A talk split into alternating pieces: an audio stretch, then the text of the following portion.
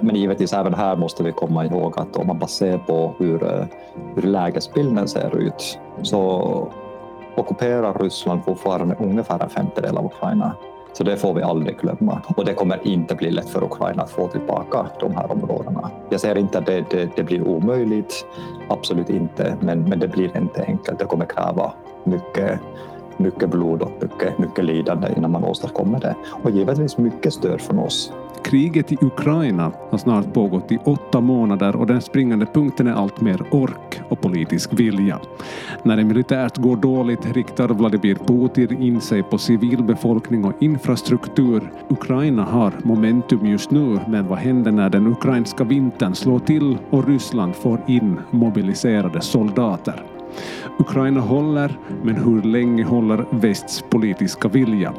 Ilmari Käihkö, docent i krigsvetenskap, medverkar i veckans avsnitt av Bakom rubrikerna med mig, Patrik Sjöholm.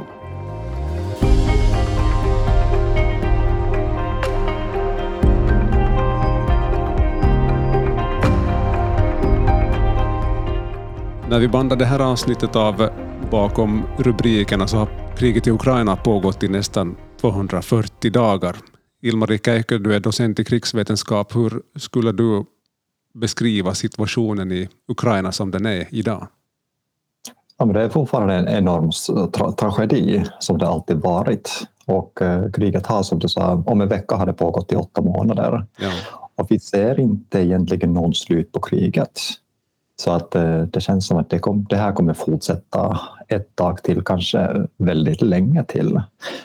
Mycket beror givetvis på inte minst eh, Vladimir Putin som kan ju eh, avsluta kriget idag om man vill. Men eh, nu under de senaste veckorna har han bara eskalerat kriget. Så han har mobiliserat eh, nya styrkor till kriget. Han har annekterat eh, ukrainska områden och eh, har återigen hotat med kärnvapen så att, så att det finns väl inga tecken på att, på att han håller på, på att backa. Men samtidigt, det som vi också har sett är att de, de ryska styrkorna de håller på att backa i Cherson, i Donetsk, i Luhansk. Så att den militära situationen går ju dåligt för Ryssland just nu. Mm. Eh, men frågan är hur, hur framtiden kommer se ut nu, nu med till exempel mobiliseringen. Mm. Ja, det har den senaste tiden varit mycket prat och nyheter om den, den ukrainska motoffensiven och man har också återtagit en stor del av området som Ryssland ockuperade i början av kriget. Ser man tecken på att Ukraina orkar hålla takten med den här motoffensiven fortfarande? Eller? Uh, offensiven har ju uh, saktat ner, ja. så att vi såg ju en enorm framgång i uh, Harkiv i början av, av september. Men efter det har, har det väl saktat ner och, och samma sak i Cherson där, där striderna pågår även idag. Ehm, det, det, är inte omöjligt att nu Ukraina lyckas ta över större delar av till exempel Cherson innan, innan vintern kommer. Men sen när vädret eh, ändras så, så då blir det väl mer stilla, stillastående frontlinjer. Och eh, ryssen hoppas ju på att mot våren kan de Eh, etablera nya, nya enheter från de mobiliserade styrkorna och sen kasta in dem i kriget för att vända, vända krigslyckan igen. Eh, den här mobiliseringen som Putin började, det var ju många som bedömde det som misslyckat från början eftersom det, det, kom, det orsakade ju protester i Ryssland. Men eh, den kan ha varit kaotisk, den här genomföringen i början. Men den militära effekten har vi inte riktigt sett än. Nu, nu har vi hört att, att, att de nya soldaterna har börjat anlända till Ukraina. Eh, Putin själv sa att det finns 16 000 redan i Ukraina av de här eh, snart 300 000 soldaterna. Men om man nu tänker på att Ryssland invaderar med 150 000 soldater och att Ryssland bedöms ha haft kanske 200 000 soldater i Ukraina nu så är 200 000, 300 000 soldater till, det är en enorm mängd ja. som kommer ha någon påverkan på kriget. Givetvis eh, måste vi, måste vi också komma ihåg att det finns enormt stora strukturella problem som de ryska styrkorna har lidit av under hela kriget. Eh, dålig utrustning, dålig utbildning, dålig, dålig moral, dåligt ledarskap och inte minst dålig strategi. Ja. Eh, Ryssland har ju under hela kriget försökt allt för mycket med allt för få resurser Och det är den här resursbristen som, som Putin nu försöker lösa med mobiliseringen. Men samtidigt är det inte omöjligt, det är nästan sannolikt att man, man kommer att bara förvärra många av de existerande stora problemen, inte minst moral. Mm. Eftersom tidigare har ju Putin försökt begränsa eh, effekterna av kriget för det ryska samhället och nu med mobiliseringen har det väl blivit tydligt att, att, eh, att, eh, att det här kriget är ett krig som rör stora delar av det ryska samhället. Tidigare har man försökt eh, rekrytera soldater med pengar, kanske med ideologi. Tvång har man egentligen bara använt på de separatistkontrollerade områdena i Ukraina. Men nu, nu använder man tvång när de andra medlen inte riktigt räcker till. Mm. Och det här kommer nästan garanterat påverka den, alltså moralen hos de ryska styrkorna. Hur skulle du beskriva, eh, om man ser på situationen på slagfälten, vad är liksom makt och styrkeförhållandena där nu? Vem, vem, är i, vem, vem har fördel av situationen så som det är just nu? Det här är en riktigt bra fråga och uh, man måste väl säga att styrkeförhållandena har vi rätt dålig koll på. Ja. Och det beror på att det är varken Ryssland eller Ukraina som vill prata om, om, om sina styrkor och som vill prata om sina förluster. Man ja. pratar gärna om motståndarens förluster men inte om sina egna. Så att det här har vi ett stort frågetecken egentligen. Att hur ser till exempel de ukrainska styrkorna ut efter de här offensiverna? Vi vet från anekdotiskt bevis på att de har uh, lidit stora förluster, inte minst i Chersonfronten. Men hur ser de ut allmänt? Hur stora förluster har de lidit? Hur ser den ukrainska logistiken ut? Det, det, är väl, eh, det är väl sånt som vi inte riktigt har koll på. Samma sak egentligen på, på ryska sidan. Um, just nu känns det som att Ukraina har tagit initiativet i kriget. De kanske har lokalt övertag på vissa ställen. Men eh, stora delar av frontlinjen de, de står fortfarande stilla. Och nu under de senaste dagarna har väl Ryssland um, gått till offensiv i, Donetsk och uh, börjat ta tillbaka områdena. Inte stora områden, men ändå. Mm. Och då är frågan om, om man nu vänt den här vågen. Det är givetvis för tidigt att säga. Och, uh, och Ukraina har väl ett fönster just nu där, där de kan åstadkomma saker innan vintern kommer, innan de uh, de nya enheterna som Ryssland nu försöker skapa innan de kommer till spelet. Och eh, givetvis alltid måste vi komma ihåg att, eh, att det finns en stor eh, eh obalans mellan styrkeförhåll, styrkeförhållandena. Ryssland är ju ett enormt stort land med, med, större resurser. Ukraina är ett mindre land med mindre resurser. Och egentligen det enda sättet som Ukraina har att balansera den här situationen, den här obalansen, är stöd från väst det vill säga stöd från oss. Och det stödet har ju fortsatt. Det har även ökats nu, till exempel nu efter eh, förra veckans eh, terrorattacker som, som Ryssland eh, gjorde mot ukrainska städer. Jag tror att det var ungefär 40, 40 städer och samhällen som, som Ryssland förra veckan attackerade med missiler och, och drönare. Mm. Ehm, och ehm, mycket som sagt beror på hur, hur vi gör med kriget. Och Ryssland hoppas givetvis att genom att förlänga kriget ehm, kan de trötta ut inte bara ukrainarna men inte minst oss i väst. Så att vi, vi blir trötta. Vi vill återgå till någon slags normala, normal situation igen. Um, och sen, sen kommer att överge Ukraina på samma sätt som vi gjorde 2014-2015 när, när Ryssland först invaderade. Så att man kan, man kan tolka det som en, en strategi från Putins sida att försöka dra ut det här så, så, så länge som möjligt. bara. Absolut, och, och, inte minst nu när den militära situationen går, går mot Ryssland. Ja. Eh, men givetvis även här måste vi komma ihåg att om man bara ser på hur, eh, hur lägesbilden ser ut så ockuperar Ryssland fortfarande ungefär en femtedel av Ukraina. Så det får vi aldrig glömma. Om man nu ser att eh, Ukraina håller på att vinna det här kriget så kan man bara se på kartan och, eh, och undra att, mm, okay, vad, vad, behöver se, eller vad, vad, vad, betyder seger i det här fallet yeah. om nu en femtedel av landet är ockuperat. Mm. Och det kommer inte bli lätt för Ukraina att få tillbaka de här områdena. Jag säger inte att det, det, det blir omöjligt, absolut inte, men, men det blir inte enkelt. Det kommer kräva mycket, mycket blod och mycket, mycket lidande innan, innan, innan man åstadkommer det. Och givetvis mycket stöd från oss. Mm. Du var inne på det där att Ryssland har ju fortsatt bombningar av ukrainska städer och det leder till fortsättningsvis många civila dödsfall. Vad, vad är det som det ukrainska folket går igenom just nu när man närmar sig åtta månader av krig i sitt hemland? Det här är en stor eh, tragedi och eh, det är ukrainarna som lider mest. Och eh, en anledning varför, varför det är ukrainare som lider mest är att, att de försvarar sig själva och också att det här kriget förs i skuggan av kärnvapen. Ja. Och det påverkar kriget på, på så vis att, att det är varken väst eller Ryssland som vill eskalera kriget från Ukraina till andra länder. Det är bara Ukraina som vill det. Men, men det här har ju den, den fruktansvärda konsekvensen att eh, det är först och främst ukrainarna som lider och först och främst ukrainarna som dör och deras infrastruktur, deras ekonomi som förstörs av kriget. Och om man nu till exempel jämför hur den ukrainska ekonomin har lidit och hur den ryska ekonomin har lidit på grund av sanktioner så kan man inte ens egentligen jämföra de här siffrorna att eh, lidandet i Ukraina är enormt mycket större än det, än det är i Ukraina. Mm. Men givetvis, ehm, alla ukrainare som jag har pratat med under kriget säger att de har egentligen inget alternativ än att fortsätta kriga. Krig må vara hemskt, ja. men alternativet är, är värre. Och det här alternativet har vi ju sett i till exempel Butja.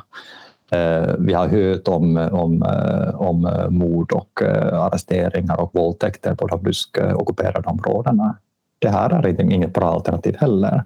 Och jag tror att i Finland har vi väl en, en bra jämförelsepunkt här och det är väl vinterkriget.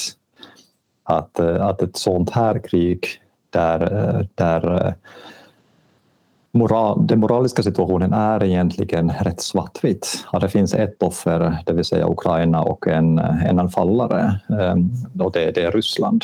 Mm. Så är den bilden rätt svartvit, men givetvis det ändrar inte situationen på marken så att säga.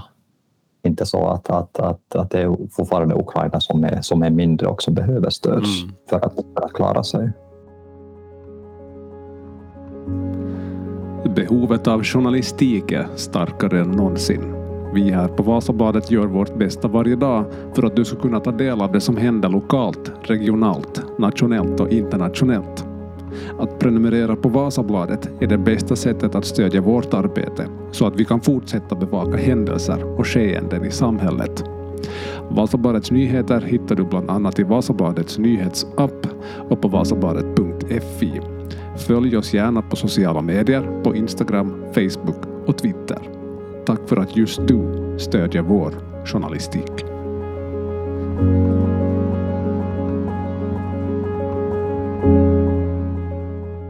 Ju skett en retorisk um, eskalering också då Putin pratar om kärnvapen. Hur, hur, ser du på hela den diskussionen? Menar han allvar med det? Kärnvapen är ju ett maktmedel som, som eh, Ryssland har och som Ukraina saknar. Och här kan vi också prata om eh, politisk vilja från väst det är väl tre, tre länder i väst, Frankrike, Storbritannien och USA, som, som har kärnvapen som teoretiskt skulle kunna kunna uttala sig och säga att, att eh, de kommer att skydda Ukraina mot kärnvapenanfall. Men eh, det var väl förra veckan eh, Macron i Frankrike sa att Frankrike kommer inte göra det här under nuvarande omständigheterna. Så att där är väl en, en fråga om, om den politiska viljan räcker och samtidigt, eh, nu, nu, nu har man sannolikt från till exempel USA hotat med konventionellt svar, det vill säga användning av icke, icke-kärnvapen eh, för att möta ett, ett kärnvapenanfall mot Ukraina. Mm. Men eh, frågan är om det räcker som en avskräckning. Och givetvis, nu måste man betona att det finns inga tecken på att Putin eller, eller Ryssland förbereder sig inför användning av kärnvapen. Men det är alltid ett alternativ. Och eh, det har till exempel eh, begränsat det här eh, stödet från väst. Så vi har pratat om röda linjer som har flyttats under hela kriget och de har flyttats på grund av rysk terror. Så, så har vi velat då erbjuda Ukraina mer stöd. Och även gårdagens attackerna, eller förra veckans attackerna mot ukrainska städer, så även de har återigen flyttat den här gränsen så att Ukraina får ju med saker hela tiden. Mm. Men det känns ibland att den, det här stödet från väst, det, det är rätt reaktivt. Att till exempel förra veckan när, när Ryssland eh, anföll ukrainska städer med missiler, så då, då erbjuds eh, Ukraina luftvärnssystem och eftersom vissa av de här systemen har redan anlänt Ukraina eh, så måste man väl tolka situationen som om att systemen fanns redan tidigare. De kunde ha skickats till Ukraina men av någon anledning har de inte fått dem tidigare. Mm. Så att nu när, när Ryssland äh, äh, gör det här så då, då får Ukraina, Ukraina stöd. Så man måste väl fråga att varför har inte Ukraina fått ja. det här stödet tidigare? Ja, ja, var, varför, så att, varför det? Det finns sådana, sådana linjer. Ja, det, det, här har vi sett flera gånger under krigets gång att, att det måste nästan hända någonting för att väst ska ha en orsak att stödja Ukraina. Ja, det finns väl utöver politisk vilja finns också förmåga som, som en faktor här. Um, så när det gäller politisk vilja är väl eh, fortfarande det här oron att eskalera kriget ytterst till, till ett kärnvapenkrig som, eh, som flera länder, inklusive USA, eh, som, som måste överväga hela tiden. Men också om man nu tänker, inte minst i Europa, att vilken förmåga har vi att stödja Ukraina?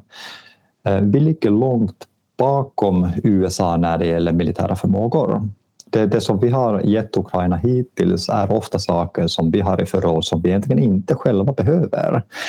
Eh, till exempel eh, min uppfattning att Finland har gett eh, Ukraina eh, vapen och ammunition som eh, som är lite äldre som skulle ha för, förstörts i Finland. Så då är det bättre att ge dem till Ukraina så att man får någon nytta med, av, ja. av dem. Ja. Eh, men samtidigt då är frågan att vad händer när, när förråden börjar tömmas? Vad gör vi då? Eh, då, då blir väl alternativet att vi ger utrustning, vapen som våra egna försvarsmakter använder. Och det kräver rätt mycket politisk vilja då att säga att okej, okay, då är vi mindre skyddade själva. Mm. Eh, det, det, kräver ett politiskt beslut och, och det, det, det, beslutet är nog inte enkelt. Eh, en annan sak är givetvis att om det här kriget och när det här kriget eh, blir ett långt krig så måste vi egentligen förr eller senare börja tillverka till exempel ammunition direkt till Ukraina. De besluten borde nog ha tagits länge sedan. De diskuteras nu.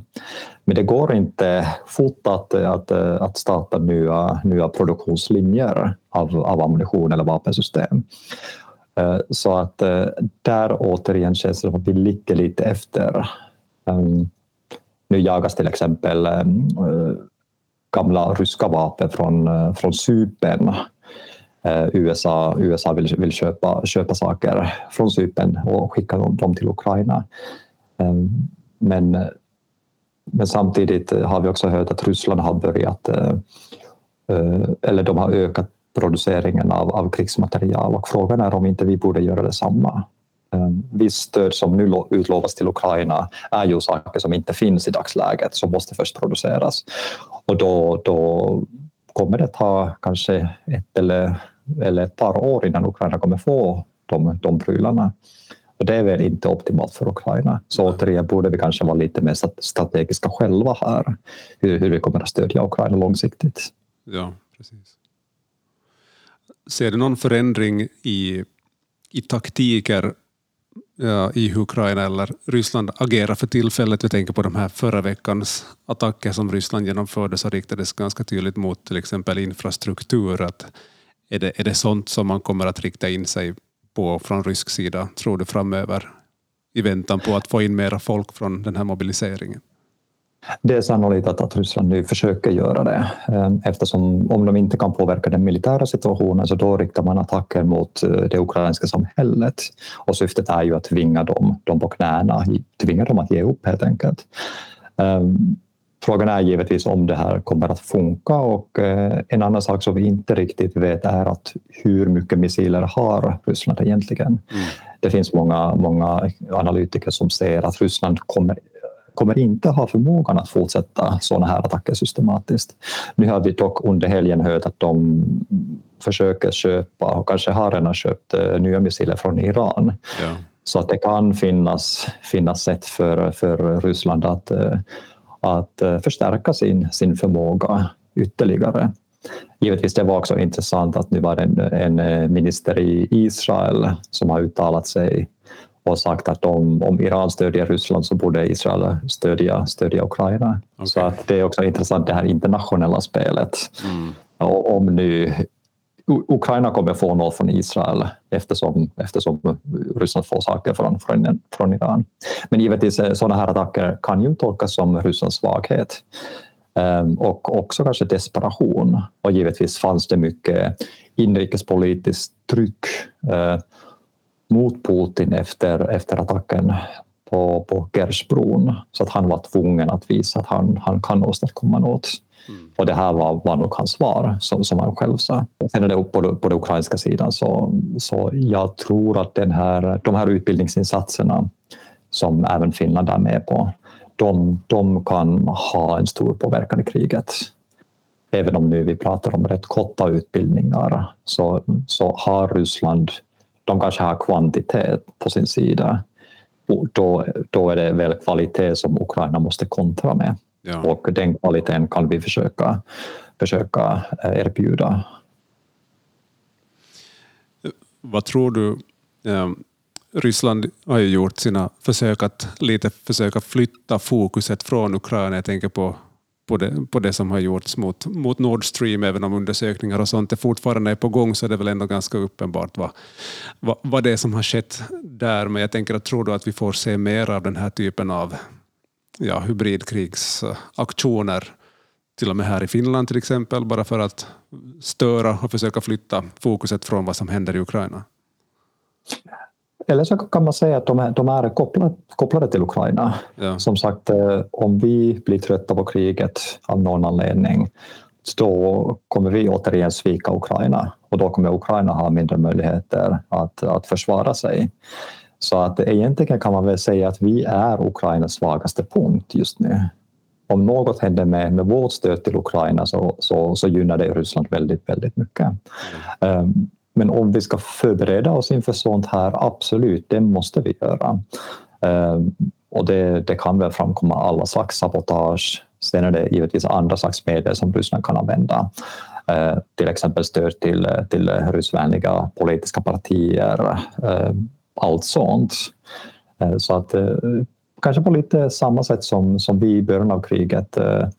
Vi hoppades på att eh, eh, att, eh, att Putin dör och sen, sen är problemet över, så hoppas kanske Putin lite på samma sätt att nu är det något politiskt som kommer hända i väst och sen blir problemet löst, alltså ja. hans problem med Ukraina. Eh, givetvis eh, i båda fall kan det här ju beskrivas som ett önskefullt tänkande. Men det som kanske Putin tror på är att eftersom väst består av, av ett antal demokratier så har vi med, med, med jämna mellanrum har vi val där, där, där politiken kan ändras. Och givetvis den största faran för Ukraina är väl valen i, i USA som kommer nu på hösten sen nästa år.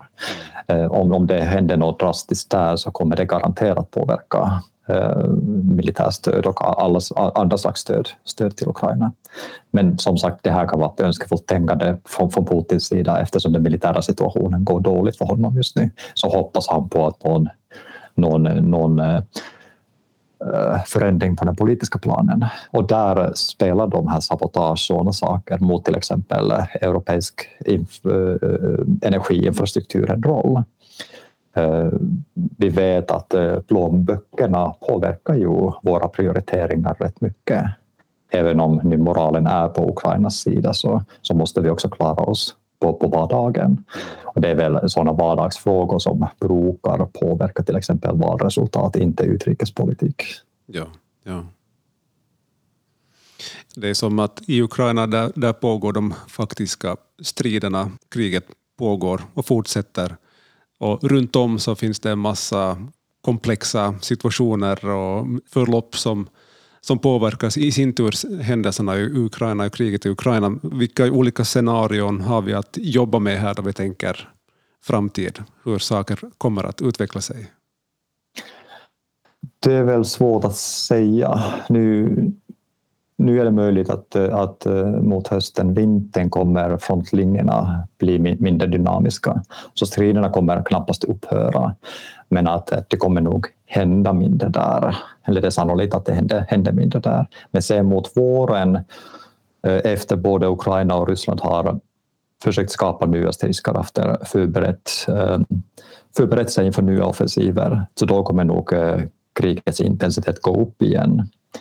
Men en sak som, som givetvis vi måste ta hänsyn till är att både Ukraina och Ryssland försöker överraska oss hela tiden.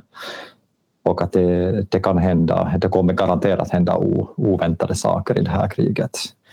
Men också att det här kriget kommer sannolikt bli ett långt krig. Vi ska inte förvänta oss att, att, att det här kommer gå över snart. Tack ska du ha, Ilmari Käykö. Tack så mycket. De senaste nyheterna från kriget i Ukraina det kan du läsa på vasabaret.fi där det bland annat finns en live-blogg som uppdateras kontinuerligt med de senaste händelserna i Ukraina. Innan vi sätter punkt för den här veckans avsnitt av Bakom rubrikerna så vill jag ge ett litet tips, ett lyssningstips. Det är ju nämligen så att Vasabadet och Radio Vasa har en gemensam eh, sportpodd. En tvåspråkig sådan som utkommer en gång i veckan och det senaste avsnittet utkom faktiskt igår onsdag det är Vasabarets Jona Nyström och Radio Vasas Anssi Marttinen som varje vecka diskuterar, analyserar de senaste sporthändelserna lokalt, regionalt och nationellt. Den tvåspråkiga sportpodden Time Out, den hittar du där poddar finns. Och när det kommer till den här podden bakom rubrikerna så ber jag er att hålla ögon och öron öppna för ett nytt avsnitt kommer redan till veckoslutet. Men det här var allt för den här gången. Tusen tack för att du lyssnar. Vi hörs snart igen.